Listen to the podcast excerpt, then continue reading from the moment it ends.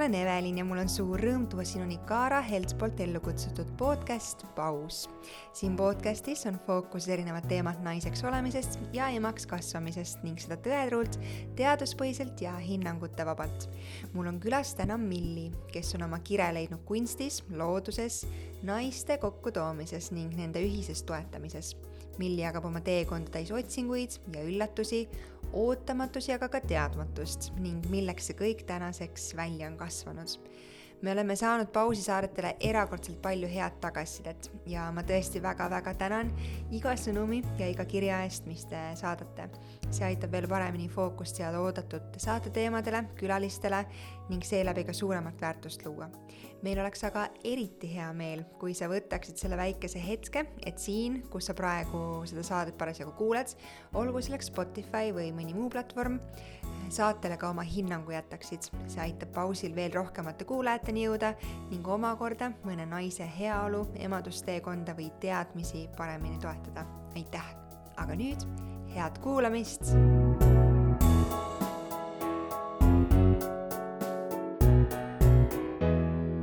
tšau, Milli! tšau! tead, sa ütlesid äh, just praegu äh, väga vahva, ma alati küsin äh, saatekülaliselt enne korrektse nimehäälduse üle, sest ma olen väga mures, et ma panen ennast piinlikusse olukorda, kui ma ütlen külalise nime valesti. ja noh, on väga palju lihtsaid nimesid, on ka väga palju keerukamaid nimesid, mida annab valesti hääldada. ja sa ütlesid väga armsalt enda kohta, et milli ja kui meelde ei jää, siis miljon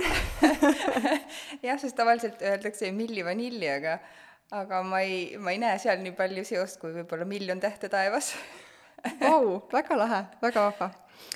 Milli, sa oled uh,, ma isegi ei tea, kust otsast alustada, sa oled väga ettevõtlik, äh, sa oled enda kohta uh, kirjutanud märksõnad kunstnik, disainer, visionär mm. -hmm. Uh, sa korraldad naistele üritusi ja võib-olla see on selline hästi laialt öeldud, aga need on tegelikult väga äh, sellised suure hingega loed-, loodud äh, toetavad äh,, toetav ruum naistele, mida sa oled loonud aastate vältel. kuidas sa üldse iseennast, kui sa pead kuskil tutvustama, läbi mille sa tutvustad või kes sa oled? oh, see on nii hea küsimus. ma tegelikult äh, enne siia podcast'i tulekut mõtlesin selle peale, hommikul kammisin juukseid ja ja siis mõtlesin, et naljakas, et alati küsitakse, et kes sa oled või, või mis su nimi on, et et äh, ma olen selline, võib-olla, ma nimetan, võib-olla ei tohi niimoodi öelda enda kohta, aga ma ütlen ikkagi niisugune kummaline, et äh, minu arust äh, nimi või tegevus või amet tunduvad nagu nii tühised selle kõrval, kui mina näen teist inimest või kui ma tajun iseennast, siis öelda, et milli või kunstnik või disainer või ettevõtja, et, et et sa tead ju tegelikult, kui palju on ühe inimese taga ja siis võtta seda kokku kas siis ühe nimega või ühe tegevusega, siis see tundub selline nagu, et okei okay,, teeme kiirelt selle mängu ära, et ütleme, et kes mina olen ja kes sina oled, aga tegelikult mina näen juba nagu sinu silmade taha ja sina näed minu silmade taha, et et eh, selle koha peal mul oli just mõte, ma räägin selle kohe ära, muidu mul läheb räägi. meelest ära et, et miks, miks selline nagu loov maailm või ettevõtlikkus või, või elus katsetamine mind väga kõnetab, ongi see, et et me saame äh, proovida erinevaid asju äh,, tunnetada, mis on nagu meile omased, mis meile meeldib teha, mis meil ei tule välja. Ja minu arust läbi selle peegli saame me ise rohkem aimu, kes meie oleme ja saame anda nagu märguannet ka väljapoole teistele, et, et kes see nagu inimene on sündinud siia, et, et, et mida ta oskab, mis talle meeldib, et minu arust nagu sellised nagu tegevused või, või olemine ongi see, mis ütleb inimese kohta palju rohkem kui see nimi või amet. Mm.. et, et ma pigem nagu ma ei suudagi panna nagu ühte vormi inimesed nagu kogu olemust, vaid et, et ma julgustangi alati kõiki nagu katsetama ja proovima ja kogema elu, sest et see on see, mis loob justkui selle sinu nime või sinu olemuse. kui see väga segane mõte kuidagi jõudis ma olen, kohale. ma olen nii nõus sinuga ja tead, mind aastaid paneb nina krimpsutama see et kui ennast tutvustada, et siis tihti tutvustatakse läbi ameti mm, -hmm. aga amet või, või töö, mida me teeme, on üldjuhul kaheksa tundi meie tööpäevast ja nädalavahetuse arvelt tuleb veel tunde juurde, et see on mm -hmm. nagu nii tegelikult väga väike osa yeah. meie igapäevasest elust ja tutvustada ennast läbi ameti ähm, on minu jaoks ka natukene kummaliseks saanud mm, -hmm. aga samas minu meelest see, kes me oleme ähm,, sa tõid selle nii hästi välja, et see sõltub hästi palju ka sellest ajast mm -hmm. või sellest äh, keskkonnast ka, kus me viibime, kelle seltskonnas me oleme. et äh, see ongi selline pidevalt muutuv ja nagu protsess, kuidas mina ennast tunnen ja kes ma olen. ja vahest ongi lihtne öelda, et ütled kiirelt oma ameti ära või oma tegevuse, sest et noh, et ongi, kui sa satud sellisesse vestlusesse inimesega, kellele sa tahaksid avada oma tõelist nagu sina, siis sa nagu, ma ei oskagi öelda, seal tekib nagu selline harmooniline võib-olla nagu sümbioos, et, et, et ma, ma tahaks näidata sulle, kes mina olen ja ma tahaks näha, kes sina oled. et, et eks see ongi elu erinevates kohtades ja erinevates situatsioonides sul ei ole aega võib-olla nii palju, et, et, et, et siis ikka sa tutvustad ennast kuidagimoodi, aga lihtsalt kui, kui meil on praegu võimalus sinuga vestelda, et siis me saame avada võib-olla seda mõtet nagu rohkem, et, et et see selline igapäevane tegevus, tutvustada iseennast, et, et võib-olla selle juures kõige olulisem on see, et isegi kui ma ütlen, et mina olen Milli, siis tegelikult äh, selle ütlemise teeb minu jaoks nagu mugavamaks ja, ja nagu loomulikumaks see, kui ma ise tean, kes ma olen ja minu arust, kui me oleme nagu selle teekonna ette võtnud, et me oleme tõesti katsetanud ja proovinud ja me jätkame selle tegemist, siis sa saadki öelda, sa oled Milli ja sa tegelikult ise tead, kes sa oled, aga kui sa oled kadunud ja siis ja sa ütled, et ma olen Milli, aga, aga ma ei tea, kes ma olen ja mis ma teen, et, et siis ma olengi lihtsalt Milli väga põnevad mõtted seal saate algusesse kohe aga kui sa nüüd selle vastandi, selle lühidalt mm, -hmm. mis su esimene vastus tavaliselt on, kes sa siis oled? Tead, ma kõige rohkem vist äh, inglise keeles on väga hea äh, sõna, sellel on seeker äh, ja siis eesti keeles, noh, ma olen leidnud enda jaoks sellise mugava äh,, mugava võib-olla vaste on visionäär, et, et keegi, kes siis nagu äh, unistab, kujutleb ja toob nagu erinevaid erinevaid uusi asju ellu. noh, need ei pea olema uued, need võivad olla ka vanad asjad uues vormis nii-öelda. et jah, et, et, et, et võib-olla kui olekski lihtsam aru saada, siis et ma olen ettevõtja äh, tänapäevases äh, vormis ja, ja, ja kunstnik kindlasti, sest et mulle meeldib elu äh, ja asju ja situatsioone ja olukordi muuta poeetilisemaks, ilusamaks, et, et, et kas või lihtne võileib ju on võimalik panna oh, taldriku peale oh, nagu jaa, et väga nagu askeetlikult, aga sa nagu hindad seda teistmoodi, et, et, et see ei ole nagu see ülepingutatud, vaid see on nagu tänulik sättimine on minu arust kunst või siis nagu niisugune tähelepanu mingitele lihtsatele asjadele, sellepärast ma julgen ennast täna nimetada ka kunstnikuks, et et võib-olla kümme aastat tagasi siis kõik need sõnad on nagu sellised eesti keeles sellised väga ma ei oskagi öelda äh,, igale inimesele erinevalt nagu kohale jõudvad. milles see kunst sinu jaoks täna väljendub, sa tõid välja võileiva näite ja, ja kunst on kunst on nii lai mõiste, kunst on igal pool meie ümber tead, aga lähme, lähme täitsa algusesse, ma hakkan rääkima sulle, kust see kunst minu ellu tuli. jaa, et äh, kooli ajal äh, ma käisin Elva äh, gümnaasiumis, Elva koolis, ma elan siiamaani Elvas. Just ütlesin sulle enne podcast'i algust, et ma armastan äh, maal elada, ma nimetan seda maakohaks, sest et äh, meil on nii palju loodust ja, ja sellised ilusat väikest ruumi, see on minu jaoks nagu maa et ma saan minna uksest välja muru peale. Ja, ja ma ei pea nagu kuulama autode müra, mis on minu jaoks väga oluline, mulle meeldib maailmas ringi käia, aga jah, ma elan Elvas. Lõpetame siinkohal ära ja, ja, ja ma käisin Elva koolis ja, ja ma alati mõtlesin, et, et küll on mõnus nendel inimestel, et eh, oma koolikaaslasi vaadates, et kellelgi on avaldunud mingi anne mingis valdkonnas, et issand, mõtle, nad teavad, mis nad edasi lähevad õppima või mis, mis neist saab või kes neist saab, et et see on nagu noore inimese jaoks selline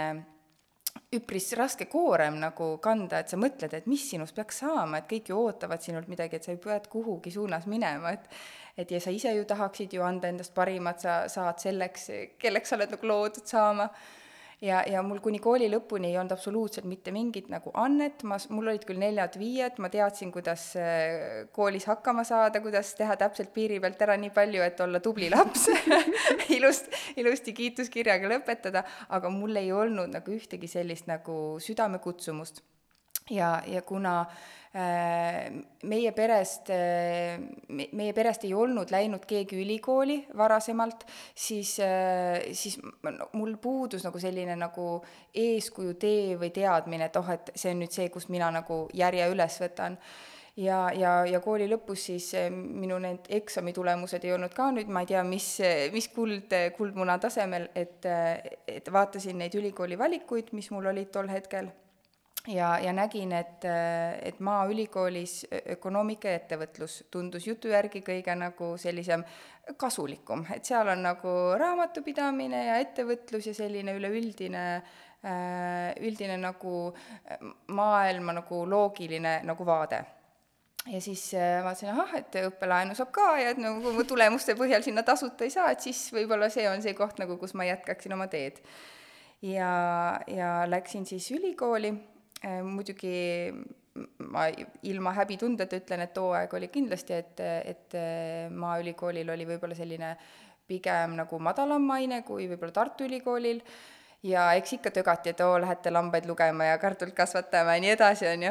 aga ma õppisin kolm aastat ära ilusti. Äh,, mulle meeldis see. Äh,, ma ei ütle, et ma nägin seal oma kutsumust, mu põhimõte kogu aeg tiksus peas, et minust ei saa raamatupidajat, ma ei taha, et, et, et no see oli põhimõte, et, et nagu, et, et, et naised peavad minema kas panka telleriks või kuskile nagu finantsmaailma Äh, või siis raamatupidajaks, siis ma tundsin nii hullult sellist nagu klompi enda sees, et ei, mina ei taha, ma ei taha kaheksast viieni, et see pole üldse nagu mina. Nii, ja kuna ma nüüd siis bakalaureuse lõpuks ei teadnud, mis edasi teha, taaskord minus ei olnud avaldunud see mingisugune tee, siis okei okay,, et noh, et viisakad inimesed lähevad ju ikka magistrisse, et ma lähen siis edasi magistrisse, et, et õpin sedasama asja edasi. ja, ja siis äh, oli juba viies aasta ja viienda aasta siis äh, enne lõpetamist oli koolis kaks inimest, kaks õppejõudu ja ma täitsa, täitsa ilma, ilma nagu filtrita ütlen kohe välja, et kaks õppejõudu, kes äh, muutsid minu elu. üks oli ma ei ole neile seda ütlenud, ma olen äh, mitu korda neid linnas näinud, mõtlenud, et, et peaks minema ütlema, et aga ma arvan, et ma ükspäev ütlen, et kui nad nüüd läbi selle podcast'i seda ei kuule. Et äh, üks oli Argo Moor, kes õpetas äh, maasotsioloogiat, mis siis olid erinevad usundid ja, ja kultuurid ja kuidas vana aja, vana aja nagu põhitõdede järgi hõimud elasid ja, ja mis oli nende niisugune nagu naturaalne Äh,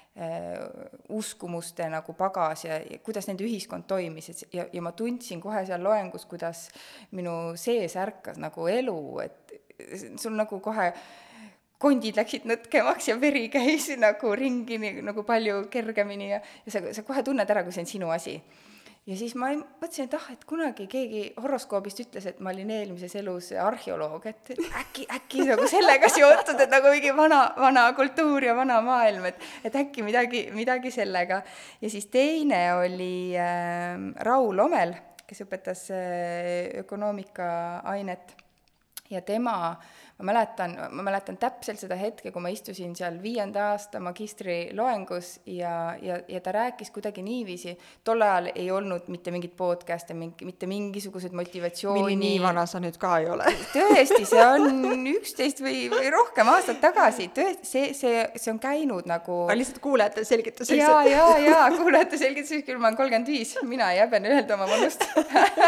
Et, et aga, aga sel hetkel ei olnud, vaata täna sa ükskõik mis mis meediumi sa lahti võtad, need inspiratsiooni nagu laused, kõik on igal pool, aga tol hetkel ütles seesama õppejõud Raul Omel kuidagi sellise lause, et, et teie võite ise oma asja teha, et te, teist võivad saada need inimesed, kes, kes muudavad maailma või, või, või toovad siia maailma midagi uut. Ja ma mäletan reaalselt seda tunnet enda sees, et kas mina ka et kas mina ka võin seda teha, et ma arvasin, et minu jaoks on nagu loodud ainult kaheksast viieni või, või see, et noh, kuhu tüdrukud peavad minema nagu kontorisse tööle. ja, ja uskumatu, et, et ühe inimese üks lause, mida ta võib-olla ei teagi, kuidas ta süstis minu sisse selle usu, sest et meie peres ei olnud mitte keegi äh, ettevõtja, ma ei tea, mis tähendab ettevõtlikkus äh, selles mõttes, et sa lood iseendale töökoha, sa lood midagi uut, mida pole varem tehtud ja just sealsamas loengus see, see nagu klikk käis minu seest ära. Ja, ja ja ma hakkasingi peale kooli lõppu siis, mis koolilõpetaja teeb, okei okay,, hakkame siis guugeldama, mida asi ja maailma oleks vaja, et lõpetasin kooli ära, et aga ma endiselt ei teadnud, mis see minu asi võiks olla. ja siis ma paningi Google'isse, et nagu mingid mingid väga head tulevikutrendid või, või mida võiks teha või, või ma ei mäleta, mis, mis, mis otsingusõnadega ma proovisin siis hakata nagu otsima, aga väga suur märksõna seal, ma hakkasin otsima et ma tundsin, et ma ei tea, mis see on, aga ma otsin. ja, ja kasutasin neid võimalusi, mis tol hetkel mul olid. ja siis ma jõudsin mingisuguse äh, märksõnani, et et, et enda nime kuidagi, ma ei tea, mängisin enda nimega, et äkki ma leian kuidagi sealt idee, ja, ja siis ma jõudsin sellise sõnani nagu millinary, inglise keeles millinary tähendab peakatted ja siis ma olin, et oh vau wow,, et nagu peakatted, et mul on nagu pikad juuksed küll, vaata, eks, äkki see on nagu midagi minu jaoks, et me just eh, kuskilt, kuskil olime välismaal puhkamas käinud ja siis eh, nägin eh, kübarapoodi ja mõtlesin, issand, kui äge, et kui Eestis oleks kübarapood või mingisugune peakatete pood, et et äkki see millinary, see ongi märk, et vaata, et no minu nimega nii sarnane, et on ju, et et äkki peakatted, et, et nagu, et miks mul siis need pikad juuksed on, et kui see ei ole peaga seotud. Ja siis, ja mind ajab siiamaani naerma, et, et ja siis minu see mõttekäik oli selline, et jaa, et aga mõtle, äkki ma siis teengi äh, peakatete poe Tartusse Lõunakeskusesse. See oli minu niisugune grand idea nagu, et noh, et nagu peakatted no ikka ja see kõige nagu tuntum koht oli siis see Lõunakeskus, on ju õnneks see nagu mõte nagu jõudis edasi veereda, aga ma lihtsalt räägin nagu, et kust see reaalselt nagu idanema hakkas. ja siis tulid jõulud ja me tegime tüdrukutega omavahel jõulupakke ja, ja kuna äh, selle iva oli selles, et igaüks pidi ise meisterdama midagi. ja, ja minul oli äh, emps ostnud äh, nagu nooruspõlvest alati Evita Peroni juukseehteid. Ja siis oli niisugune nagu heegeldatud pärlitega peapael. Pagan läks katki kogu aeg. Ja siis mõtlesin, nii kallis asi, et ja läheb katki. Ja siis mõtlesin, et oh, ma proovin ise selle järgi teha. ja tegingi siis äh, oma sõbrannale jõulukingiks selle ja siis, kui ta selle pakist välja võttis, siis äh, ütles, et oo, nii ilus ja et nagu palju ilusam kui see, mis poest saab. Ja ma ütlesin jah, ja see on kindlasti vastupidavam. Hoolega tegin ja siis teised tüdrukud ka, et oo, nii lahe, et on ju, et, et äkki see on midagi, et mis sa võiksid tegema hakata. Ja, ja siis, äh, ja siis nad veel soovitasid, et jah, et kuule, et aga Tartus on see loomemajanduskeskus, et äkki sa võiksid nagu sinna minna, et noh, et võib-olla nad juhendavad kuidagi, et kuidas sellest äri teha või miskit ja siis ma proovin natuke kiiremini rääkida, aga, aga see, lõpuks ma siis jõudsingi oma nende patsikummidega loomemajanduskeskusesse, seal oli siis avatud kõikidele inimestele, kes soovisid äh, äriplaani loomise kursus, et kuidas siis oma loovideest teha äriplaan ja sellega siis nii-öelda ettevõtjaks hakata. Ja siis äh, veel üks väga märgiline, märgiline sündmus oli seal, kui ma loomemajanduskeskusesse läksin, äh, kõik siis need loovad noored inimesed tulid kokku, kes seal tegi videodisaini, fotograafiat, veebidisaini, rõivaid, et kõik, kellel mis iganes loovidee oli, siis me saime nagu esimesel päeval seal kohvikus kokku õhtul. ja, ja siis oligi see hetk, kus igaüks pidi siis püsti tõusma, ütlema, et mida, miks tema siia siis tuli ja mida tema tegema hakkab. ja, ja ma mäletan, issand, avalik esinemine on olnud ja no ütleme, et ega ta praegu ka mugav ei ole, aga, aga see on kindlasti arenenud, sest tol hetkel ma reaalselt mõtlesin, ma oksendan oma nime sinna laua peale, et see oli lihtsalt nii õudne, et sa pead tõusma püsti, ütlema, et tere, ma olen Milli, et ma tulin tegema mis iganes asja, on ju. ja siis ja see hetk oli lihtsalt nagu nii nagu huvitav, et, et see hirm oli minu sees nii hull, et ma tõusin püsti, ma teadsin, et ma pidin ütlema, et ma tulen tegema siia nagu patsikumme või pea, ma isegi peaaksessuaare või, ja ma tõusin püsti ja minu sees mina ei rääkinud sel hetkel, et see reaalselt mul juhtus niisugune nagu olukord, kus ma tundsin, et, et minu keha tõusis püsti, aga minu suust tulid kellegi teise sõnad. ja, ja siis ma ütlesin, et tere, et mina olen Milli, et, et mina tulin äh, tegema äh, maailma kõige vägevamaid peaehteid kõige, kõige parematest materjalidest, kõige vägemat, vägevamatest vääriskividest ja, ja need on midagi sellist, mida te mitte iialgi näinud ei ole. istusin maha ja kõik vaatavad ja kõik vaatavad minu poole, oo issand, päris Müüdud. väga huvitav idee nagu, et, et kes see on ja siis ma mõtlesin, et appi, et mis asjad need on, et mis asjad need peaähted on ja et, et nagu, et mi-, et, et kas need on üldse olemas, et, et, et, et kes see nagu praegu ütles sellist asja ja siis ma läksingi reaalselt sealt õhtul koju ja guugeldasin, et kas vääris peaähteid on olemas. ja, ja tõdesingi tegelikult tol hetkel juba, et, et, et peaähted kammid, kroonid, tiarad, pulgad, mis iganes on nagu läbi ajaloo kasutatud pea ehtimiseks, siis need on kõik jäänud muuseumitesse, et tänapäeva maailmas, meie nii-öelda tarbimisühiskonnas ei ole nagu tõelisi kunstiväärtusega peaehteid millel, millel võiks olla nagu praktiline kasutus, et sa saad nagu reaalselt oma juuksed kinni panna, sest et mina olen nagu isikult ka sellist tüüpi, et mulle meeldivad nagu sellised lemmikasjad, et kui mul oleks üks lemmikpea, noh, ütleme siis näiteks juuksenõel, mida ma iga päev kasutaksin, panen juustesse, võtan ära ja, ja see elaks minuga kogu minu eluaja ja ma saaks selle edasi pärandada oma lastele, lastelastele, kellele iganes, et, et, et, et küll oleks tore. ja, ja leidsingi, et tegelikult selline äh, äh, auk oli turus. Et, et äkki see on nüüd siis see minu asi, mis ma pean nagu hakkama tegema, et, et, et, et need vägevad peaehted. Ja siis ma olin järgmise nagu äh, komistuskivi ees, et aga kui sellist asja nagu tänapäeval ei ole, et, et kui te isegi nagu tänapäeval guugeldate, et äh, et on olemas väga vägevad ehted, kõrvarõngad, kaelakeed, kellad, sadu tuhandeid, miljoneid, aga peas ei ole mitte midagi, siiamaani, isegi väga jõu-, nagu väga rikastel inimestel, et peas on ikkagi kumm ja plastik ja mis iganes. et, et, et, et, et selleks oli täitsa kohe selline, täitsa selline tuli paistis seal kohas. ja aga kui sa oled, nüüd seisad silmitsi sellise valdkonnaga, mida ei ole ja mida sa pead hakkama looma. Ja kui keegi küsib, mis asja sa teed? ja sa pead seletama, mis asi see on, siis see on jälle väga suur amps, mida nagu ette võtta. Mm, ma tegin esimese ehte äh, niimoodi, et äh, ma käisin kullassepa juurest kullassepa juurde, kõik naersid mind välja, nemad parandasid ainult kette ja, ja mõtlesin, et mis see ehe. mina tahtsin, et oleks äh, juuksepulk, et ja mõtleda võiks olla veel niisugune praktiline, et ma võtan ta peast ära ja ma saan ta veel kaelakeeks panna, et ta on nagu multifunktsionaalne, et, et lisame ikka sellele nagu paljususele veel rohkem juurde, et, et, et ta võiks ikkagi nagu, nagu ikkagi väärtuslik olla ja siis ma lõpuks jõudsin äh, ühe tuttava kullassepa juurde, üks meesterahvas, kes oli meie pere tuttav, äh, kes siis viimases hädas võttis mind jutule, ütles, et okei okay,, et no me võime teha, et, et aga tule siis esmaspäeval tegema ja siis ma pidingi minema tema juurde nagu väikseks õpipoisiks ja, ja ta aitas mul selle esimese juuksepulga ära teha. nii, nüüd mul oli siis see esimene prototüüp ehe valmis, äh, äriplaan kaitstud on okei okay,, et no mis ma siis selle uhke ehtega siin Eestis peale hakkan, et, et, et, et ma ei näe, see turg või see koht oleks siin nagu, et ma pean kindlasti minema sellega ju maailma, maailma nagu vallutama. ja, ja, ja, ja ma ei kujuta ette, kus mul see nagu optimism või selline eneseusk või või selline võib-olla naiivne selline ringi vaatamine tuli, et aga siis mõtlesin, et no ma guugeldan, et äkki mingi võistlus või midagi. siis ma leidsin juhuslikult äh, Itaalias ühe disainivõistluse, mis oli tegelikult nagu äh, maailm, rahvusvaheline nagu äh, disainivõistlus saatsin pildid sinna ja maksin osalustasu ja siis nagu lihtsalt nagu, lihtsalt ei teadnud ja, ja juhuslikult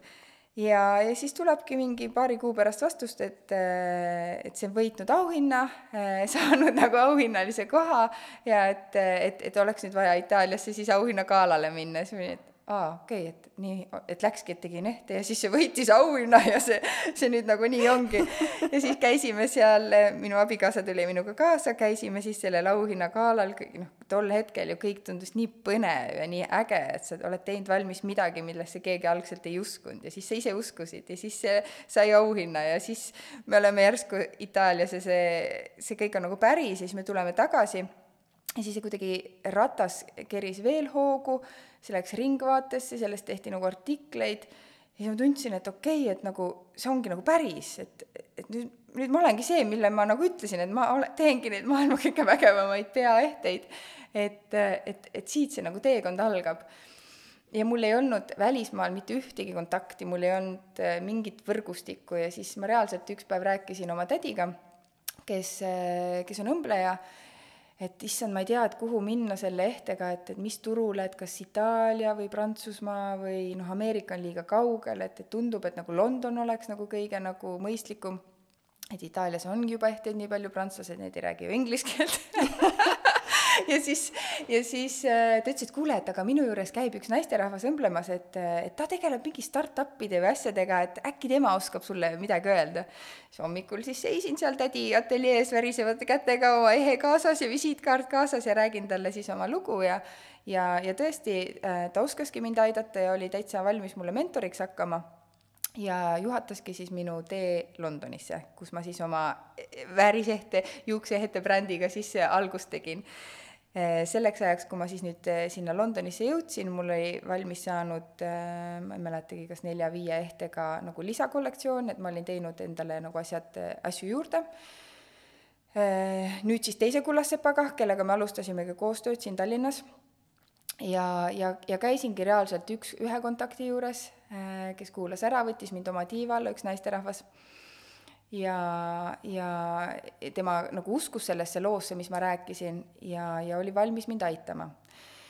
ja see lugu, mis ma rääkisin talle ja rääkisin, võin rääkida ka praegu, on see, et,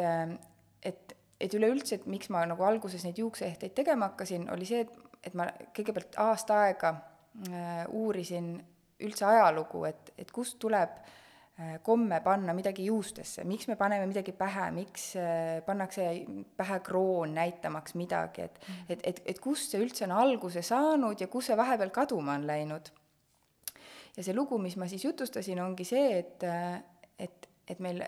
iidsetest aegadest alates on olnud jumalused, absoluutselt miljoneid jumalusi ja väga paljudel kultuuridel tänapäeval on säilinud jumaluste nagu äh, usk, et igal asjal, igal põrandal, murul, lillel, puul, kõigel, absoluutselt igal asjal on oma jumalus.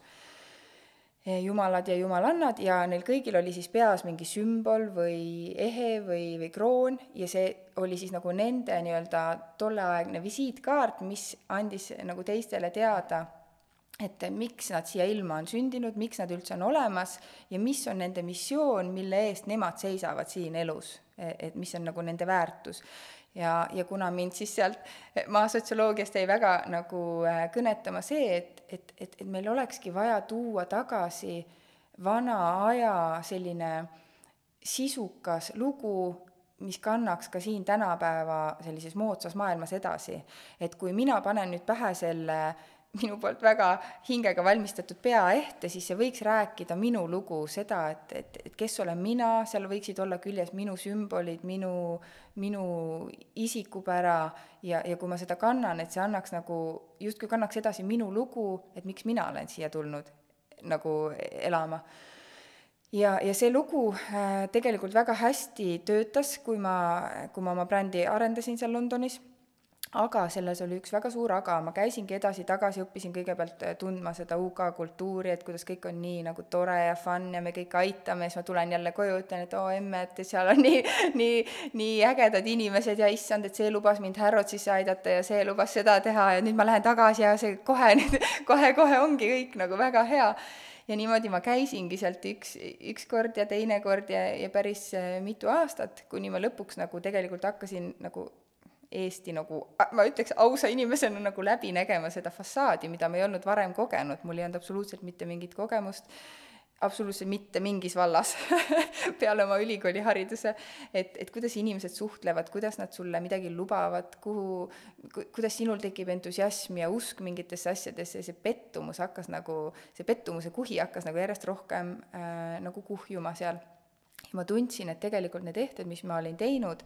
ei sobitunud sellesse vormi, et nad oleksid leti peale pandavad müüdavad ehted, et keegi anonüümselt neid müüks. et, et sa tuled tagasi, sinu äriplaan on, et noh, sa pead müüma kümnetes tuhandetes maksvaid ehteid, et omamata ise sellist ringkonda enda ümber, kes neid reaalselt nagu osta jõuaks, et, äh, et see selline nagu hästi vastuolulisus nagu tekkis selle teekonna jooksul, et minu usk oma asjadesse oli nagu tugev, aga see suund, kuhu mina ennast surusin ja kuhu see justkui see väline äriplaan ja, ja ettevõtlus ja kõik surus, see nagu oli vale, et ma, ma kogu aeg ütlesin, et ma tunnen, et need ehted on sellised, et äh, et neid pigem tuleks hinnata nagu pigem nagu muuseumi stiilis või selles mõttes, et, et igalühel on oma ehe ja, ja seda väärtustatakse nagu teistmoodi kui see, et need on nagu air, AirPodsid, et mida kõik tahavad saada, vaata, et, et, et ma üldse ei püüdlenud sinna suunas, aga kuigi minu tegevused kõik nagu lükkasid nagu sinna, sinnapoole mind. aga miks ma sellest nagu räägin, on see, et, et ma kogesin ka kogu selle, nende aastate jooksul seal Londonis käies äh, nagu väga huvitavat sellist äh, sotsiaalset toimimist, et, et see naisterahvas, kes mis, kes mind siis aitama hakkas seal ja viis ürituselt üritusele ja networking ul networking ule, et, et ma nägin, kuidas inimesed tegid omavahel koostööd et olidki peale tööd sellised äh, väike mull ja amps ja, ja tüdrukud tulid kokku, absoluutselt kõik töötasid erinevates valdkondades, nad vahetasid visiitkaarte, et oo, kuule, teeme koostööd, sa oled fotograaf, ma teen seda. siis ma mõtlesin, et pagan, et ma olen Tartus Loomemajanduskeskuses ja siin me ei saa kokkugi, me ei taha nagu rääkidagi omavahel ja rääkimata mingist koostööst, et meil on sisendatud, et kõik on konkurendid omavahel, et keegi ei tee omavahel koostööd, et et miks, et tegelikult see peaks olema nii, et mida rohkem inimesi sa enda ümber kogu, kogu, nagu kogud, seda rohkem peaks sul olema võimalust nagu kasvuks ja, ja ühiseks selliseks nagu arenguks. ja, ja siis me lihtsalt üks äh, naljakas seik sealt Londoni käigust, et, et pidimegi minema ühe, äh, ühe disaineri äh, sellisele pop-up nagu noh, pop-up esitlusele. noh, muidu olid ikka sellised suuremad üritused, et kus oli rohkem rahvast ja siis, siis see üritus oli niisugune, et me ei teadnud, kuhu me läheme Äh,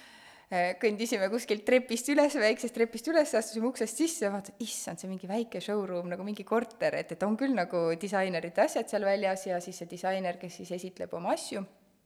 aga et kolm või kaks inimest oli veel peale selle disaineri, kolmekesi ja siis meie kahekesi. siis ma mäletan, kui ma mõtlesin, et appi, et aga mina ei ole see sihtrühm, me ei tulnud siia ostma, me tulime siia network ima, et kus kõik inimesed on siis ma toksasin ka veel Indrele, et kes oli minuga kaasas seal, et kuule, et, et me peame varsti ära minema, et, et, et mina ei jaksa siit midagi osta, et, et, et see ei ole päris see koht, kuhu me pidime tulema, on ju, siis itsitasime seal omaette ja siis järsku tuleb sisse äh, üks naisterahvas. Ja siis äh, näen, et kõik need kolm teist naisterahvast läksid nii elevile ja nagu räägivad ja kõik ümardavad teda ja et räägivad printsess ja printsess ja siis mina naeran veel omaette, et oi head tüübid, et nimetavad üksteist printsessideks, et meil Eestis, meil Eestis küll nii ei tehta, et ja siis, ja siis ma mäletan, kuidas Indre toksas mulle vastu kätt ja ütles, et ma ei tea, mis sa pead tegema, aga vot selle kontakti sa pead küll saama. siis ma mäletan, kui ma mõtlesin, et kas sa saad, et ma olen reaalselt printsessiga ühes ruumis et see oli nii naljakas, et, et nagu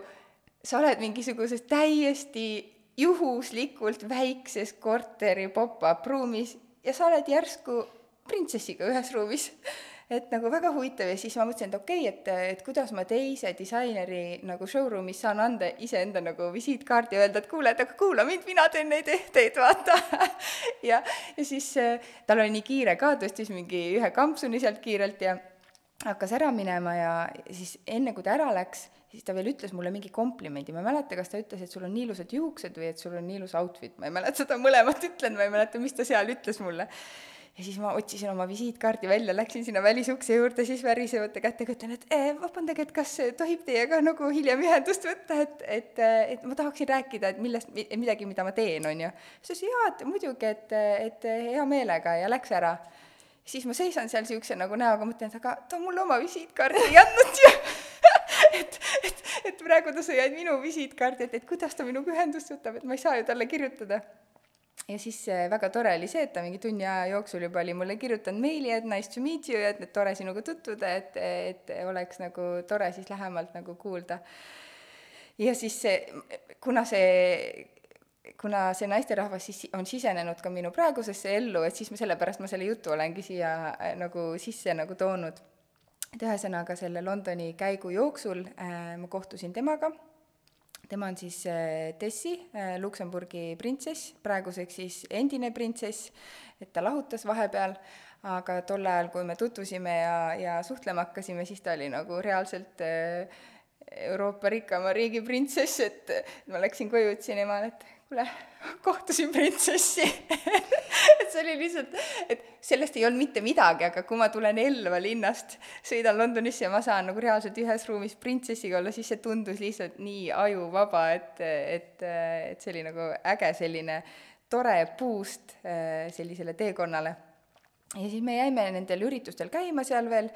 äh, rääkisin oma ehtebrändist ja iga kord, kui me siis Tessiga kokku saime erinevatel üritustel, et miskipärast hakkasid need äh, üritused meil klappima, nii et me kohtusime ja siis ta iga kord tegi minu riietuse kohta komplimendi, ütles, et aa, sul on nii ilusad kleidid ja nii ilus outfit ja ja siis, aga minu tädi on õmbleja, elab ka Elvas ja ta on terve elu mulle teinud rõivaid ja, ja, ja need on alati hästi ilusad kleidid olnud või mis iganes ja, ja ma olen selles osas väga nagu õnnelik ja tänulik talle. Et ja nüüd ka siis selles teekonnas siis Tessi märkas, et, et mul olid niisugused ilusad rõivad seljas. Ja siis ta ütleb, et, et jah, et ma olen alati tahtnud enda rõivabrändi luua, et, et, et, et kas sa ei tahaks minuga teha? Siis omaette mõtlen, et jaa, pagan, aga ma tahaks neid juukseehteid teha, et aga, aga, aga et, et kui printsess pakub et, sulle. et kui, et kui, et kui rõivad, siis et noh, tulin koju, siis rääkisin oma abikaasaga ka ja siis ta ka nagu mõtles ja ütles, et noh, et aga, et, et kui need ehted nagu praegu nagu noh, nii väga ei lähe, et aga äkki siis teed rõivaid vahelduseks nagu, et ja siis mõtlesingi, et aga samas ma olin nagu nii nagu kinnisideega oma nagu ehete, et see oli nagu minu identiteet juba, et, et mul on nagu eesmärk äh, luua midagi ja et kuidas ma panen selle kõrvale. aga kuna selle aja peale siis oli rohkem neid motivatsiooni asju juba tekkima hakanud, siis mul oli kõrvus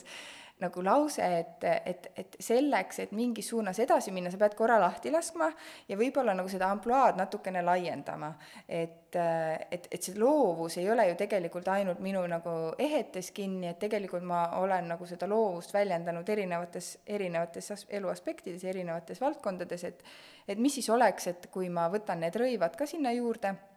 ja, ja siis samal ajal teen oma ehteid ka edasi, et, et see nagu üks ei välista teist. ja need siis ei olnud äh, niisama rõivad, vaid et äh,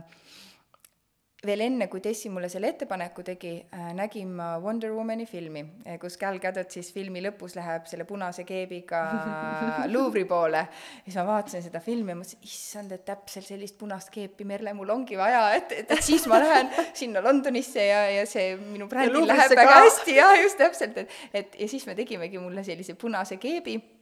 et, et minna sinna Londonit vallutama. Ja huvitaval kombel see tõesti, see keep oli selline, et väga lihtne keep, aga võõrad inimesed metroos ja igal pool tulid mulle ligi, ütlesid, et väga ilus ja et nagu kiitsid. Ja siis ma tulin koju, ütlesingi, Alari on siis minu abikaasa, et, et Alari, et kuule, et mõtle, et naljakas, et inimesed tulevad ligi, et ja kiidavad, et siis ta ütleski, et noh, et aga äkki siis, äkki siis peaksid neid keepe tegema, et noh, et kui, kui nagu märk on nagu selles suunas, et see on midagi, mis,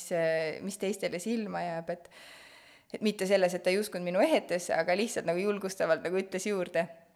ja siis Tessi nägi ka neid keepe ja siis ma tegin äh, kingituseks talle tema enda keebi äh,, tähendab, Merlega koos tegime, ja, ja kinkisime talle, saatsin talle pakiga ja siis talle see nii väga meeldis, et ta tegigi peale seda ettepanekut, me võiksime siis rõivabrändi teha, aga siis suunitlusega keepidele, et, et talvekeebid, suvekeebid, et, et see lugu oli see, et et neid keepe kannaksid, see, kasvaski välja minu ehtebrändist, kannaksid nii-öelda human highness'id ehk siis inimlikud kõrgused. mis tähendab ka seda, et, et minu juukseehete lugu oli see, et sa ei pea olema royal highness ehk siis nagu kuninglik kõrgus, et panna endale ise endale krooni pähe, vaid et sa kannad oma väärtust, oma väärtusi, hinnanguid, seda, kes sa oled ja täpselt sama lugu on selle keebiga, mis väga hästi sulandub sinna nagu sellesse äh, puslesse, et, et keep on justkui miski, mis sind nagu väestab või annab sulle jõudu, et, et nagu teha seda, mis sa tahad teha. ja siis mõtlesin, et oh, et, et, et siinkohal ma nagu ei eksi oma nagu sisetunde vastu, et, et ma võin anda nagu endal vabadust luua ka siin ja hoida nagu, hoida nagu see ehte energia ka veel elus ja siis sündiski Human Highnessi bränd, mis ongi siis inimlik kõrgus. Ja mis oligi väga nagu huvitav ja märgiline, oli see, et kui Tessi too hetk lahutas äh, nii-öelda kuninglikust perest ja sai justkui tavainimeseks taaskord, siis see inimliku kõrguse lugu tegelikult eh, läks nagu kümnesse tema puhul. et, et ta ei valinud seda brändi seepärast, et ma ütlesin, et see on human highness, vaid et see nagu kuidagi hästi loomulikult nagu noh, see täpselt nagu meant to be, nagu see pidi olema, see on nii naljakas. tagantjärgi mõelda on tõesti väga naljakas. aga, aga ma olen nagu mega tänulik ja miks ma võib-olla seda lugu räägin, üldse mitte sellepärast, et, et, et tuua kuidagi seda äh, et, et vaata, mis mul juhtus või et vaata, milline kogemus, vaid et, et kunagi ei tea, mis paganama kohas sa kedagi kohata võid. mitte kunagi ja mis, mis on nagu oluline, on see, et, et sa otsiksid kas või guugelda, guugelda, nagu ma alustasin, mis oleks mõistlik asi, mida teha. et see, see tõesti, see nagu mitte kunagi pole alt vedanud mind, et et kui sa ei tea, siis lihtsalt mine kõnni, käi, ma tean, et vahest ei viitsi, kui motivatsioon on nagu maas, sest et meil käivad see lainetega, et ma ka ei viitsi vahest. aga lihtsalt, kui sa mingi hetk jälle lähed ja nagu sunnid ja nagu mõtledki, nagu mitte halvas mõttes sunnid, vaid nagu julgustad ennast minema, sest et vahest mingid minekud on ebamugavad, aga samas, kui sa käid ära, siis sa mõtled, et jumal tänatud, ma läksin, et vaata, mis juhtus ehk siis, äh, ehk siis sündis sealt äh, Keebi bränd Human Highness, mida me siis tänapäev, nagu tänaseni teeme temaga koos. Ja endiselt äh, olen ma tegemas oma peahette brändi, küll see peahette bränd nüüd äh, oli pausil äh, mingid, ma isegi ei oska öelda, neli-viis aastat kindlasti, sest et ma võtsingi sealt aja maha, et ma tundsin, et ma pean arenema inimesena teistes valdkondades, et ma suudaksin nii suurt nagu äh, ampsu tuua ellu selliselt, nagu ma tegelikult peas nagu seda ette olen kujutanud. ja kuidas see nüüd kõik jõuab siis sinna, et kuidas see kohin siia pilti on tulnud, ongi ja. see, et et ma kogesin oma brändi tehes äh, seda, et kuidas naised tegid omavahel koostööd ja tulingi tagasi siis Londonist Eestisse panin oma ehtebrändi pausile, Human Highness oli sündimas ja, ja ma mõtlesin, et äh, aga et siin Eestis ei toimu mitte midagi, ma elan Elvas, seal Tartu ümbruses mitte midagi, et et ma tahaks nagu, ma, ma, ma tundsin kohe puudust, sest et ma olin harjunud, et sa käid ja kogu aeg toimub midagi ja nüüd oli nagu väikus minu muru ja ja puud, aga, aga ma tundsin, et ma tahaks nagu sarnaselt mõtlevate inimeste seltskonda või, või tahaks leida nagu uusi sõpru või, või noh, lihtsalt sellist nagu ringkonda nagu luua. ja, ja mõtlesingi, et aga tegelikult see ei olnud üldse keeruline, et kutsud naised kokku ja, ja seal kõik nagu justkui sündis iseenesest, et keegi ei karjatanud neid nagu karjuseid, või nagu karjusena ei karjatanud neid inimesi, et, et, et lihtsalt sul oli vaja luua ruum äh,, püstitada see nii-öelda see agenda, miks nad tulevad ja inimesed võtavad selle energia ja hoo ise ülesse. ja kuna selle aja peal oli taaskord neid motivatsioonikõnelusi nii palju juba kuuldud, siis oli see, et et kui viganed laitu, siis tule ja aita, et kui sa, kui sa näed midagi kuskil, et siis sa võid ju selle ise ära teha siis ma mõtlesin jälle, et okei okay,, et Elvas, et noh, mis me teeme, et teeme siis, äh, kutsume naised kokku. ja, ja kuna ma olin lugenud ka, issand, ma mõtlen, mis selle nimi oli Robin Sharma rääkis sellest kakskümmend, kakskümmend, kakskümmend printsiibist, et yeah. kõigepealt yeah. hakka liikuma, siis sul nagu energia hakkab käima, inimestel nagu omavahel äh, nagu selline nagu hirm kaob ära, siis äh, paku uut äh, informatsiooni või noh, siis loe või sisesta või leia endale mingit uut informatsiooni ja siis viimases osas nagu reflekt-, nagu peegelda või reflekteeri või ma ei oskagi öelda, kuidas seda öelda, aga et siis see on nagu selline nagu, kus sa saad jagada oma kogemust, mõelda mm, -hmm. nagu peegeldada mm -hmm. ja siis ma mõtlesin, noh, et see on tegelikult päris hea nagu selline äh, algus äh, sellise ürituse nagu sisule, et võikski alguses liikuda, sest et ma olin käinud ühel üritusel, kus siis algaski joogaga äh,, mis, mida mulle nagu mõttes, see idee sellest, et ma teen joogat, see mulle meeldib, mitte et ma seda kogu aeg teeks, aga, aga nii tore on koos teistega teha, ja, ja siis võiks olla keegi esineja, kes siis räägib midagi uut, mis avardaks siis inimeste silmaringi, ja, ja siis lõpuks siis me saaksime omavahel nagu nii-öelda connect ida, ühenduda Äh, jagada kogemusi, see, kuidas keegi sellest siis just kuuldust asjast aru sai või siis küsida mis iganes elulisi asju. ja liikudes selle, enne kui nüüd ma räägin sellest Kohina nimeloost, siis ma räägin ka sellest, et, et, et kuna ma uurisin ka oma peaehetega seoses seda, kuidas vanad hõimud ja vanad kultuurid elasid ja kuidas too aeg nagu info ühiskonnas levis, oligi see, et tegelikult inimesed tulid üle maa kokku ja, ja vestlesid lugusid, et see kõik käis nagu lugude jutustamise järgi, et sa tulid, sa kuulsid, noh, tegelikult oli veel näiteks seal selle Stonehenge'i, ähm, noh, Stonehenge'i kohta käivad igas, noh, on tulnud palju lugusid läbi, läbi selle ajaloo nüüd, et miks nad on loodud ja mis nende eesmärk on, aga üks versioon räägib sellest, et et see oli nagu teadmiste edasiandmise koht, et see Stonehenge oli seal keskel, niisugune suur ehitis, seal ümber oli vall ja siis äh, inimesed siis, kes kogunesid, seisid ümber selle Stonehenge'i seal suurtes kraavides või ma, ma täpselt ei tea, kuidas see nagu seadi, seadistus oli, aga niimoodi, et need, kellel oli infot edasi kanda, need olid siis kõrgemal ja inimesed liikusid kogu aeg, sest et see on see memory temple ehk siis selle mälutempli põhimõttel, et, et kui sa liigud ja sul on mingid struktuur, suured nagu struktuurid või ehitised, mida sa näed visuaalselt ja siis sa saad veel uut infot, siis sul tekib äh, ajusse selline nagu kinnistuv äh,, nagu kinnistuv äh,, kuidas seda nüüd nimetada, ühesõnaga see info kinnistub sulle mm -hmm. nagu paremini ja ma olen seda tä tegelikult täitsa ise kogenudki et näiteks kui ma niidan muru ja kuulun, kuulan mingeid podcast'e või mingeid salvestisi, siis äh, järgmine kord, kui ma lähen niisama muru peale kõndima, siis ma täpselt selle kivi juures, täpselt selle koha peal, mul tuleb meelde, kuidas seal täpselt selles podcast'is ütles täpselt selle lause. ja siis ma mõtlesin nagu for real, nagu kas see on päriselt, et issand, et see toimibki. ja see on nii põnev, sest äh, ma olen praegu, oi jumal, see on suur teema, aga ma olen hetkel väga suur unustaja ja see ei ole alati nii-öelda, aga ma praegu tunnen, et ma noh, mul on väga raske elada, sest ma unustan nii palju asju,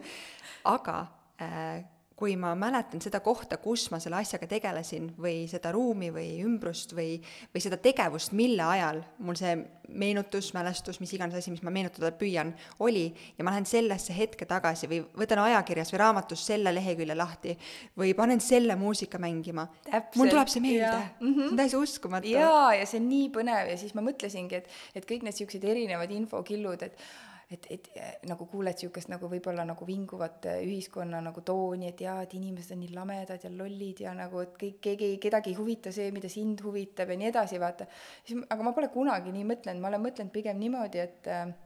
et kui sa tahad, äh, kui sa tahad, et inimesed sinu ümber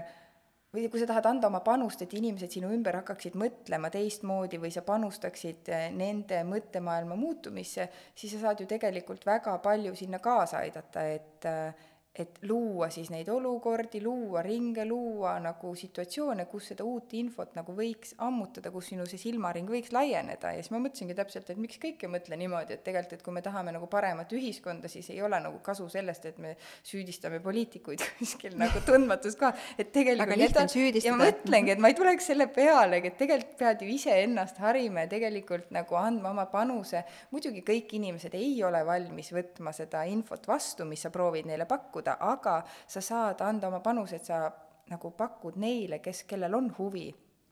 Ja siis täpselt äh, see kohina mõte jäigi sinna kandma, et taaselustada võib-olla sellist nagu ka Eesti vana kommet, kus tuldi kiige äärde kokku või lõkke äärde kokku, kus ja, ja kohin ei ole noorte tüdrukute, kes teevad väga palju joogat, painduvate tüdrukute kokkusaamine, tegelikult kohina mõte oligi see, et sinna tuleksid emad, tütred, nagu erinevas vanuses naised, esialgu naised, eh, kuigi ta ei olnud nagu, see kohin ei sündinud tegelikult, et teeme naistele, vaid et lihtsalt see sai alguse naistest, kuna naised on ühiskonna ja üldse kogu nagu maailma sellised nagu edasiviivad jõud ja tavaliselt naised algatavad ja lükkavad need asjad käima, siis mehed kuidagi nagu loomu poolest järgnevad ja, ja tunnevad huvi. et see ei ole üldsegi nagu meestest nagu välistatud, vaid et lihtsalt, et see on alguse saanud naiste ka et, et ühesõnaga, et, et luua siis selline nagu kokkusaamise ruum, koht, kus võiksid äh, nagu saada alguse erinevad koostööd, kus võiks olla erinevas vanuses, nimetame siis praegu naised, kui mul on mingi probleem näiteks mis iganes äh, valdkonnas, vanema naise käest küsida, kellel on elukogemust, noorema ja vanemad nooremate käest ja nii edasi, et seal tekiks selline nagu emad-tütred, vanaemad, selline nagu ruum. et, et see oli nagu minu algupärane unistus, et, et, et, et kui sa tahad luua sellist äh, paremat ühiskonda, siis tegelikult tuleb inimesed lihtsalt kokku tuua ja siis sa saad süstida sinna ka nagu uut infot või sellist nagu silmaringi laiendavat äh, äh, nagu silmaringi laiendavat nagu ruumi. ja siis see sõna kohin äh, jälle need Elva metsad. Et mõtlesin, okei okay,, teeme siis selle esimese ürituse, kaks tuhat üheksateist detsember oli äh, Kohina esimene üritus, enne seda siis paar nädalat ma pidin äh, välja mõtlema nagu, kuidas ma siis seda kohtumist nimetan, et, et kutsun nagu naised kokku, et ma ei saa mingi võimlemisring või teadmiste ring, et et, et, et mul oleks ikkagi nime vaja, et, et, et ma olen nagu loomu poolest selline, et kui ükskõik, mida ma teen, et see peab ikka nagu olema lõpuni ja läbimõeldud, et miks ta sünnib ja mis selle lugu on, et ja siis ma mõtlesin, okei okay,, et ma lähen oma sinna metsa, mul on üks metsakoht, kus ma käin, ja lähen vaatan, et tavaliselt seal kuulan muusikat kõndimise pealt, et siis hüppavad mingid head ideed pähe. siis läksingi sinna raja peale ja ütlen, no mis ma panen nimeks, mingeid lolle nimesid pakkusin peas. Ja mõtlen, no mis on selline, millel ei ole nagu kuju, millel ei ole nagu värvi, aga see kirjeldaks kõike ja kõiki, sellel ei oleks sugu äh,, aga samas ta oleks kõik sood ja siis ta oleks nagu naturaalne ja, ja looduslik ja orgaaniline, et ma ei pane talle mingit võltsi nime, et see peaks nagu justkui kirjeldama kõike, et et ja siis veel ütlesin ka, et no ütle nüüd, mets, või ütle puud, et mis see on ja siis ma vaatasin üles ja siis vaatasin, et mis siin on aa, kohin, et äh, puude ladvas kohin, ütlesin, kohin, veits veider nimi nagu, et, et mis asi, aga samas jah, tal pole värvi, aga samas ta on kõik värvid, samas ta ka nagu käib ühelt oksalt teisele, et ilma nagu inimeste nagu kokkupuuteta teda ei oleks olemas. Ja ta läheb täpselt nii kaugele, kui on inimesed, kes seda kohinat nagu tekitavad, et see nagu mõte hakkas sealt kandma, et, et sama, oh, aga kohin on jões ju muidugi, et et täpselt, et samamoodi, täpselt sama analoogia, et, et üks tilk võib-olla põrandale kukkudes ei tee nii, nii suurt häält, aga et kui panna ta nagu jõesängi voolama kõikide tilkadega koos, et siis see kannab ja ja suudab teha nagu korda viia suuri tegusid, et et see, see nagu nimi oli nii nagu autentne ja õige, et ja mulle eriti meeldis, et see ei olnud ingliskeelne nimi, sest et ma olen väga uhke Eesti üle, ma olen väga uhke, et me oleme Eestist ja mulle väga meeldib, et meil on oma salakeel, see, see, see alati nii armas. jaa, see on nii äge, sest et meil on küll niisuguseid, nagu mulle vahest tundub, et et ma tahaks öelda rohkemat, kui need sõnad meil siin võimaldavad, et need, armastus, et see armastus ju ütleb meile ju nii palju asju, inglise keeles on vaata nii palju sõnu, mis väljendavad armastust, aga meil on armastus, lihtne, aga väga sügav, et sa, et igaüks läbi oma silmade näeb seda sõna armastust erinevalt, et sama on see kohi Kohin. muidugi ma sain, et Kohin, oo, see on mingi metsavendade mingi see samakas või mis jook see on, et mis sa sellise nime panid. siis ütlesin, aga ma ei saa, noh, mulle tundub see autentne ja õige, et, et see, ja see ongi salakeele, siis ma nagu natuke mängisin selle nagu sõnaga Kohin. Et okei okay,, et no okei okay,, need inglased võivad siis saada ka, et nagu go in. Et nagu kõlab nagu go in nagu, aga go in, et siis see tähendabki seda, et me tegelikult tuleme kokku, et minna iseenda sisse et see on siis see nagu see nime saamise koht, et kuidas see kohin siis alguse sai. ja tõesti, ma paningi paar nädalat enne seda kohinat siis äh, Facebooki kuulutuse välja, et naised, naised, kogunege, et teeme joogat ja, ja tuleb äh, üks esineja ja äh, ja minu nagu üllatuseks tuli minu arust kas kuuskümmend naist või wow.. see oli nagu mingi pöörane arv. ma olin käinud enne seda, enne, enne seda olin käinud äh, Ettel Otsassoni äh, joogas äh, ja see oli nii mõnus ja mõtlesin, et ta oli ainuke nagu joogaõpetaja, kes nagu tekitas minus sellise tunde, et vau, kui äge. siis mõtlesin, et ma kirjutan Ettelile, et kui Ettel on nõus nagu tulema, et siis ma teen selle kohina. et kui Ettel ei ole, siis äkki see on märk, et, et seda nagu ei peaks sündima Ettel ütles, et ai, muidugi teeme ära. Ja tuligi mingi kuuskümmend naist ja siis ma mõtlesin, et issand, et, et reaalselt nii tore oli ja nagu kaks nädalat enne seda kutsusid ja, ja inimesed reaalselt tulidki ja, ja see nagu samamoodi jälle läks nagu palliga liikvele, mõtlesin, okei okay,, et davai, teeme siis veel nagu, et järgmine oli juba ja, ja vaatamata sellest, et esimene oli Elva kultuurikeskuses, siis ma mõtlesin, et okei okay,, teeme nüüd veel naised vägevamalt, et lähme nüüd Sangaste lossi et teine, teine kohin oli juba lossis, siis ma ütlesin, et teate ja, tulge kohinale, et see toimub lossis. et nii tore oli, kuidas tegelikult ähm, inimesed tulid vastu, kui ma küsisingi näiteks ruume või, või koostööd, et ma olin mitte keegi ja mu nimi ei ütle mitte midagi, et, et, et me tahame teha naistega üritust, et et leida kas sponsorlust või leida ruume või, või mis iganes, muidugi ma pidin maksma nende eest ja, ja ma maksin esimesed üritused peale veel sellele, sest ma tahtsin hingega teha head asja, aga see ikkagi läks nagu käima ja liikvele et äh, seal ei olnud nagu ühtegi, ühtegi kohta, mis paneks mind kahtlema, et see on vale. ja siis ma olin seda teinud, siis tuli muidugi Covid märtsis, äh, jaanuar, veebruar jõudsin teha, märtsis tuli Covid siis oli muidugi jess, universum, et ma just leidsin nagu mingi uue energiaallika, et nagu uue, uue hingamise, et midagi, mis nagu aitaks mul areneda kui inimesel ja, ja nagu tundus, et ta on nagu vajalik, peale esimest kohinat tuli üks tüdruk minu juurde, ütles, et issand, et ma just kolisin siia nagu maapiirkonda ja mul ei olnud ühtegi sõpra, et ma ei teadnud, kust neid leida, et et, et kui tänuväärne ettevõtmine, siis mõtlesin, et see nagu kaalus üles absoluutselt kõik nagu selle pingutuse, mis ma selle jaoks olin teinud, et üks inimene, kes ütles, et see oli talle nii vajalik, ja täpselt selle nagu sama mõtte najalt ma jäingi nagu seda tegema, et, et äh, võib-olla on keegi, minul on suur pere äh, ja, ja me suhtleme omavahel ja mul on nagu oma kogukond olemas ja millest ma olen väga tänulik, aga ma nagu empaatiliselt alati mõtlen, aga mõtle, kui sul ei ole mitte kedagi või sa oled kolinud kuskile täpselt, sa oled pidanud võib-olla kolima kuskile väiksemasse kohta või mis iganes piirkonda ja sul ei ole, su sõbrad on kuskile maha jäänud, sul ei olegi võimalust tutvuda uute inimestega, sa ei hakka ju Tinderisse panema, otsin sõpra. Aga miks mitte? aga miks mitte, selles mõttes, et aga, aga see, see, see kuidagi see mõte minu jaoks nagu oli nagu lohutav, et, et aga äkki keegi leiab siit sõbra või mis iganes ema või, või noh, selles mõttes ema, et nagu sõprusema, et, et, et ka see on väga suur asi ja, ja siis äh, jõudsin teha juunis äh, veel ürituse ja siis viisid teed meid kokku Kadiga ja Kadi, äh, Kadiga rääkisime, Kadi Oja siis, kes on varasemalt siin käinud ja, rääkimas, et, et Kadi, Kadiga me saime kokku ja rääkisime, tema ütles, et tema on tunnetanud nagu sama asja, et ta tahaks luua midagi Eestis ja Eesti inimestele ja ta võiks samamoodi alustada naistest. ja, ja siis me leppisimegi kokku, et, et teeme, teeme seda Kohina hinge koos, ehk siis nüüd siis ongi Kohinas Kadi ja Milli eh, ja oleme seda siis teinud alates kaks tuhat üheksateist algusest, et, et koroona on küll siin eh, mitte süüdistades, aga on nagu vahepeal teinud oma trikke, aga aga jätkuvalt ma ütlen, et kohin on ilma kujuta, ilma värvita, ilma soota, aga samas kõik värvid, kõik sood, kõik, kõik, mis seal on, et, et, et ma ei saa öelda, et me oleme iga kuu toimuv event või üritus, ma ei saa öelda, et me oleme kord aastas toimuv. see tegelikult on väga palju seotud meie enda nagu äh, võimekusega neid asju teha ja korraldada äh,. ma kindlasti räägin enda nagu vaatenurgast, ei taha kohinat jätta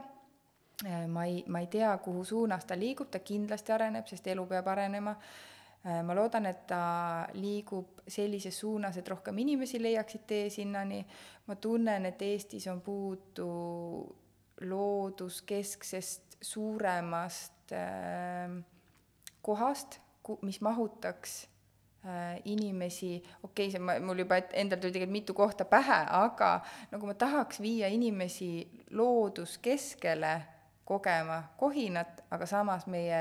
kliima on selline, kus meil peab olema nagu äh, nii-öelda ruumi võimalus, et äh, et tihtipeale on alati see ruumide leidmine nagu keeruline, et, et tegelikult tahaks linnast välja minna, aga et proovi leida keset metsa. Ilusat kohta. Keeruline. Vau, Milli, vau. ma suutsin isegi lühidalt teha vist. Need see, kui äh, põnevalt kogu see lugu, äh, kuidas sa seda lugu ise avasid, aga kuidas see lugu on nagu omasoodu läinud tegelikult mm. -hmm. see on nii põnev, kuidas üks asi on viinud teiseni ja teine kolmandani. oskasid sa, ma ei tea, äh, kümme-viisteist aastat tagasi mm -mm. arvata seda, mida mida sa täna teed? ei, absoluutselt, ma ütlen, et ainus, mida ma teadsin oli see mingi imelik tunne su sees. et nagu... raamatupidajaks ei taha jaa, et nagu, et, et, et, et tead, see, seda ma isegi vormistaks seda nii, et midagi, midagi peab olema veel. ma ütlesin peale, peale, peale magistri lõppu ütlesingi, peale ülikooli ütlesin emale, et, et, et ma ei, ma ei lähe kohe äh, nagu sinna eight to five, ma ei lähe kohe sinna kontoritööle, et ma proovin. ma vaatan, sest ma tunnen, et midagi on veel. ja, ja, ja, ja, ja ma nagu nägin tema näost seda nagu julgustust, et, et, et muidugi proovi. Et äh, ma ei ole, ma ei ütle, et see oleks lihtne olnud ja ma ei, ja ma ei poe selle taha, et oi-oi, kui raske mul on olnud, aga ma ikkagi valiksin selle tee ja see on naljakas ja tead, mis võib mängida rolli, ma ise olen nagu väga palju mõtelnud selle peale, sest ma ikka vahepeal mõtlen, et huvitav, et, et ega hulluse ja hulluse ja, ja sellise normaalsuse vahe on ikka väga, väga õrn, et, et, et mis võis nagu süstitada või süstida sellist nagu nagu usku või optimismi asjadesse ja see on selline, see on väga kentsakas fakt, mille peale ma olen tulnud. Väiksena ma vaatasin kogu aeg seebikaid, nagu neid Mehhiko seebikaid, kus, kus oli see Maria Mercedes ja Maria ja, ja, ja reaalselt ma, issand, kuidas ma unistasin, et mu nimi oleks Maria. Ja siis ma ei viitsinud mängida nukkudega, see, see üldse pannud, ma vaatasin lihtsalt seda Mariat seal sellest seebikast, seal oli draama, seal oli elu. Ja, ja mis asi, ma arvan, et see on mind kodeerinud, on see, et lõpuks peab minema hästi. Et nagu lõpp peab olema hea, et no peale kõike, mida siis ma nagu erinevates situatsioonides, isegi kui on rasked situatsioonid, ja ma olen nüüd nagu jõudnud teadlikkuseni, et ega kõik asjad ei lõppegi nii, nagu mina olen arvanud, et nad lõpevad, aga see on andnud mulle kuidagi sellise rahutunde, et et nad lõpevad nii, nagu nad peavad lõppema ja on väga palju asju, milles minul nagu puudub nagu äh, selline äh, võime neid mõjutada ja tegelikult aktsepteerida ja usaldada äh, elu kulgu on, äh, on nagu kõige parem asi, mis me saame teha ja jumala pärast mitte leppida nagu mitte leppida, kui sa tunned vähegi sees, siis proovi, no seal ei ole nagu mitte, mina, ma nagu, kui keegi tahab küsida nõu või mis iganes, ma olen alati ütelnud, no ma, ma võin nagu olla see hull coach kõrval, öelda, et nagu muidugi proovi, et, et noh, kuskil on muidugi nagu reaalsuse piirid ka, et ma ei ütle, et, et, et, et, et nagu, nagu halba nõu ka mitte, aga, aga et, et, et see hetk, ma täna siia sõites mõtlesin selle peale, ise olin väga uhke oma nagu selle mõtte üle et äh, minu arust meie kohustus on meile antud aega väärindada, ehk siis nagu mitte raisata. et, et me ei tea, kaua me elame, mina ei tea, sina ei tea, keegi ei tea, ja mõtle, kui me raiskame. Ja minu arust nagu see peaks olema kõikide inimeste nagu elu eesmärk, et väärinda seda aega, nii nagu sa koorid kartulid, jah, me sööme selle kartuli ära, aga väärinda seda koort ka, nagu väärinda igat hetke nagu äh, mis siis, et mitte iga päev ei jõua, muidugi me oleme väsinud, kõik päevad ei ole, aga, aga see, et nagu läheb mööda kümme aastat ja sa mõtled kogu aeg, et issand, kui nõme elu nagu, et, et seda ei tohiks juhtuda nagu.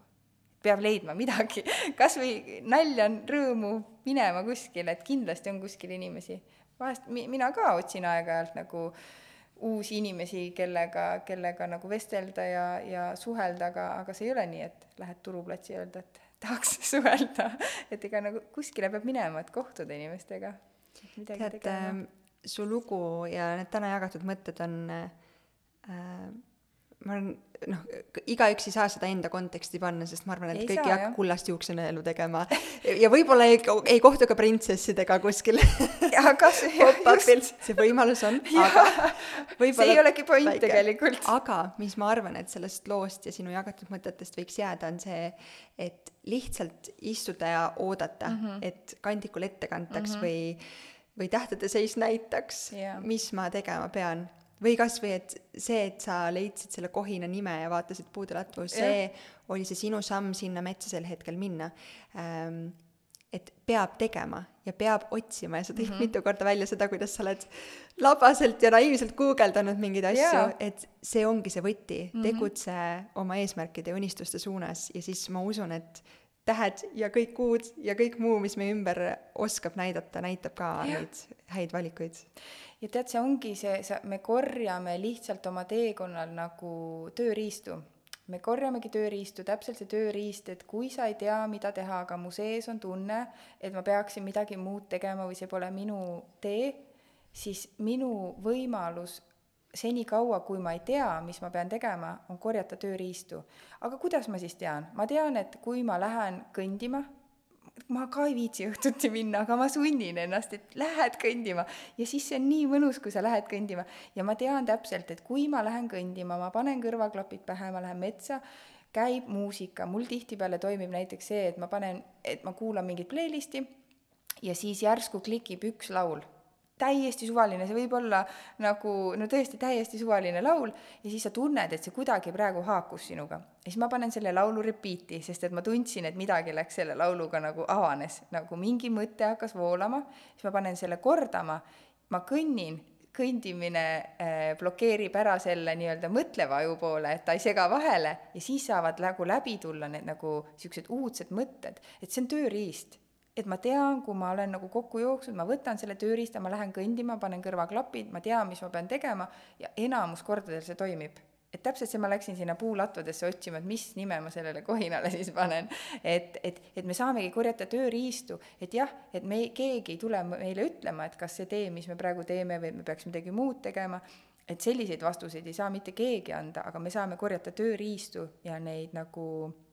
selliseid nõuandeid, mis aitaksid nendel hetkedel, kui me oleme kadunud või kui me ei tea, mis teha või kas see on õige ja see tuletas jälle seesama, seesama, et äh, liikumine ja kõndimine paneb su ja. pool aju, on ju, jaa, annab tegevuse. see toimib just. jaa, et äh, kui lihtsaid asju on tegelikult meie enda heaoluks vaja mm, -hmm. liigu, joo vett ja maga ja see ongi nagu võluravim justkui tegelikult kõigele. su loovus on oluliselt palju parem, kui sa oled hästi maganud, su efektiivsus on oluliselt palju parem äh,, tervis on palju parem mm -hmm. ja mhm. kõik muu, et sellised väikesed asjad, mis igapäevaelus ja rütmis kipuvad tihti ununema ja mida ma armastan, ma pean veel lõppu ütlema, ma ei tea, kas me oleme räägi. lõpus või mitte, aga, aga igal juhul äh, mulle nii meeldib, ma, ma tunnen, et ma olen niisugune nagu äh, loovuse äh, lahti muukimise ristiema nüüd juba, sest et nagu see, kes Tuhka-Triinu loos käib selle võlukepikesega, sest et kõrvitsast teeb paariku. sest et tihtipeale inimesed ütlevad, ma ei ole loov. Ja ma lihtsalt, ma, ma kohe tunnen, kuidas ma lähen nagu niimoodi õhku täis, ma ütlen, et tule siia, räägime, et et see ei ole lihtsalt võimalik, et, et keegi pole loov, jah, me ei, me ei suuda, me ei suuda võib-olla teha, et kui sul on nagu mingi nägemus mingist loovusest, on ju, a la kui me võtame mingi kunstniku või, või mis iganes asja, et ta on loonud midagi, siis, ja me mõtleme, et oo, mina sellist asja küll ei oska teha, aga see pole loovus, nagu selles mõttes, et see, et loovust nime, nagu saab nimetada nii erinevaid pidi, et tegelikult loovus on nagu, loovus on nagu jooksmine või nagu mingisugune nagu treening selles mõttes, et sa saad loovust harjutada ja avada ja katsetada nii erinevaid moodi, et äh, näiteks praegu ma olen viimasel ajal teinud savimaalimist, sest et, äh, et kuidagi see on jälle, see on täiesti nagu juhuslikult minuni tulnud, et kui me lõime oma enda kodu, ehitasime Elvasse, siis äh, ikka sa mõtled, et mi-, mi-, kuidas sa oma sisu nagu äh, kodu sisustad või et mis seinamaterjale sa paned, et kui sa juba valida saad ja siis ma mõtlesingi, et noh, et ikka sa tahad ju parimat, et tahaks looduslikku.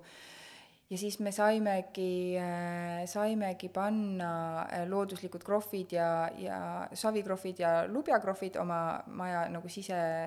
nagu sisekujunduseks, sise nagu viimistluseks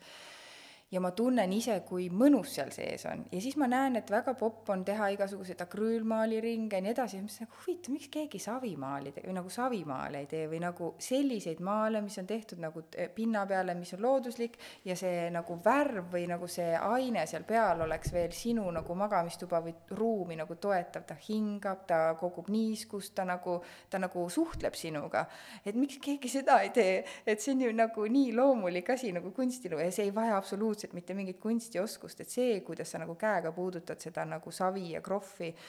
ja kannad sinna selle lõuendi peale, pärast sa näed tegelikult need tumedad värvid on kõik läinud nagu heledamaks ja sealt tulevad uued struktuurid, et ja see ongi loovus ja see ongi kunst ja see on nii lihtne selles mõttes, et äh,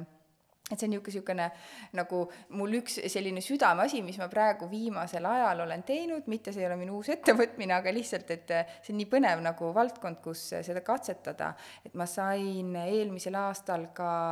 võimaluse teha sisekujunduse Tart-, Tallinnas asuvale City Clinics hambakliinikule, millega minu abikaasa on seotud, et ja ma samamoodi mõtlesin, et see sisekliima nagu raviasutusel peaks olema ju parim ja kui see minu panus äh, on võimalus sinna nagu kaasa aidata, siis kogu kliinik sai üleni kaetud lubikrohviga äh, ja lubivärvidega, mis tegelikult on üheksakümmend üheksa koma üheksa protsenti antibakteriaalne, kujutad ette, et, et sul on nagu kliiniku seinad üheksakümmend üheksa nagu protsenti antibakteriaalsed ja, ja tervislikud ja, ja, ja siis sellest alates Skandinaavias väga palju kasutatakse meie, meie nagu äh, peame järgi jõudma. täpselt, meie nagu ruumi pole see jõudnud. ma mõtlesin, kuidas, et, et see on ju nii nagu lihtne nagu saavutada ja ja, ja siis sellest arenes järgmine küsimus, mis läheb võib-olla Kaaraga kokku, on see, et aga meie sünnitusmajad, kuidas on viimistletud? Kohad, kus emad toovad lapsi nagu ilmale, miks need ei ole tehtud, see ei ole kallim, see ei ole raskem, see loom-, nagu see on looduslik, loomulik, palju naturaalsem, et nagu vaata, kui palju tegelikult annab tuua nagu vana teadmist uute vormi. Ja nagu ma saan võib-olla nagu aidata nagu kaasa ka sellega, et ma teen neid viin läbi Savimaali töötuba, aga ma saan juurde rääkida seda teadlikkust sellest, et tegelikult, et vaata, kui oluline on luua kodusid, tegelikult saab igaüks ise ka selle krohvi kandmisega hakkama, noh küll, küll mingil tasemel, aga siiski nagu see on nagu lahe mõte oh,. Lilli, mul on tunne, et sul on veel väga suured missioonid siin elus, mis, mida sa pead kandma. Või siis vähemalt äh, äh, ütleme need välja, et keegi teine nende nende, nendest sabadest kinni haaraks ja teeks. jah, just, ei, ma ütlengi, et ma ei, ma ei häbene kunagi öelda või ma ei nagu ei karda öelda, sest et äh, täpselt ka see, et kohina, kui kohin sündis, siis peale seda hakkas tulema väga palju naistele suunatud selliseid nii-öelda enesearengu äh, ettevõtmisi, mis kasvasid ka paljud välja nagu kohina alt. et äh, aga see on hea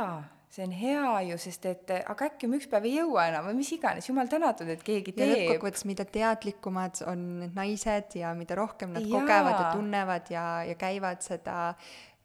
ma arvan, et äh, parem on ka meie ühiskond ja, ja edasiviivam ja toetavam, et äh, täpselt, et see on nagu väga hea süstida nagu sellist äh, edasiviivat jõudu ja olla osa sellest, mitte et ma arvaksin, et mina või Kadi, et me oleksime seda nagu alustanud. no ikka alustasite. aga aga nagu selles mõttes, et mitte tunda mitte kuidagimoodi nagu konkurentsi, vaid pigem nagu head tunnet, et mida rohkem tehakse, seda paremaks läheb ümbrus meie ümber aitäh sulle, Milli oi, aitäh sulle nii..., Evelin, nii armas, olen ootanud seda vestlust. mina ka ja mul on hea meel, et see sai just selline, nagu see tuli, väga julgustav, inspireeriv ja ma olen täiesti veendunud, et sellised lood annavadki kõige rohkem julgustust ja siis tuge äh, ja süstivad mm, inspiratsiooni teistesse naistesse ja kõikidesse teistesse ka oma teel. aitäh, sulle, sulle.! tšau.!